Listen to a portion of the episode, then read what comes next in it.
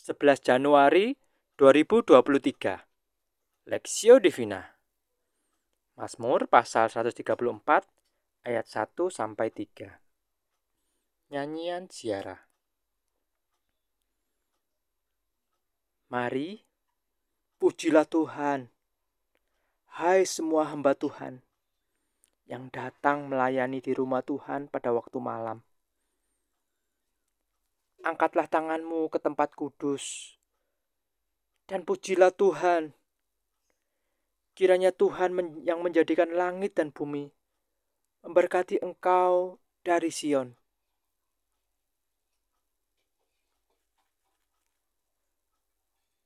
Pujian malam hari perspektif.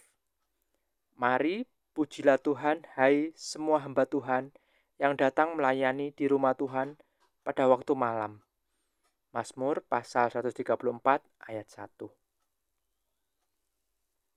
Mazmur 134 ini merupakan penutup dari satu rangkaian nyanyian ziarah yang dimulai dari Mazmur 120. Orang Israel diminta oleh Tuhan satu tahun setidaknya tiga kali menghadiri ibadah mereka di bait Allah. Dan itulah ziarah mereka di hadapan Tuhan.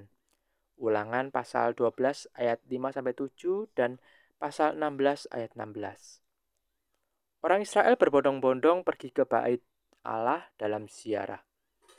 Pada tahun-tahun belakangan ini, saya amati bila gereja mengadakan perayaan, maka tentu bukan hanya berlangsung satu atau dua hari, tetapi bisa seminggu atau dua minggu. Maka coba kita bayangkan bagaimana sibuknya para hamba Tuhan yang dituliskan di ayat 1 dari Mazmur 134 ini. Pada zaman itu yang melayani tidak boleh orang-orang awam, melainkan keturunan dari Lewi dan juga para imam saja. Di zaman yang tidak memiliki kecanggihan teknologi dan juga pemahaman manajemen yang canggih, maka hamba Tuhan yang bertugas tentu akan lelah sekali. Maka dari itu tidaklah heran dalam Mazmur Syarah yang terakhir ini sengaja ditujukan kepada hamba Tuhan yang melayani agar mereka tetap bersemangat dalam pelayanan mereka kepada Tuhan Allah. Bahkan disebutkan mereka melayani sampai larut malam, yang kemungkinan adalah akhir dari serangkaian ibadah mereka.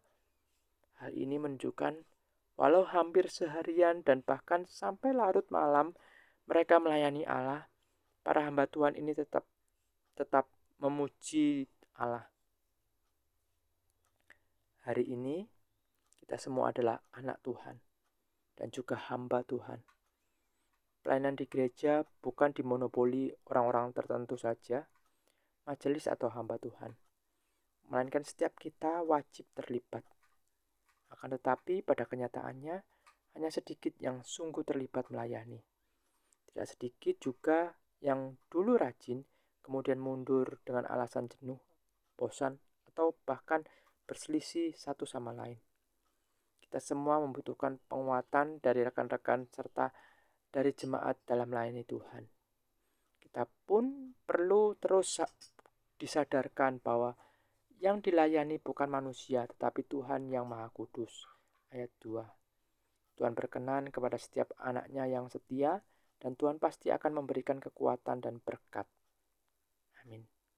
Studi pribadi selama ini Bagaimana Anda menghargai hamba Tuhan atau rekan sepelayanan? Sudahkah terlibat? Apakah Anda bersedia berjuang untuk melayani Tuhan lebih sungguh? Pokok doa, berdoalah bagi para hamba Tuhan dan majelis yang melayani di gereja Anda agar tetap setia dalam pelayanan mereka.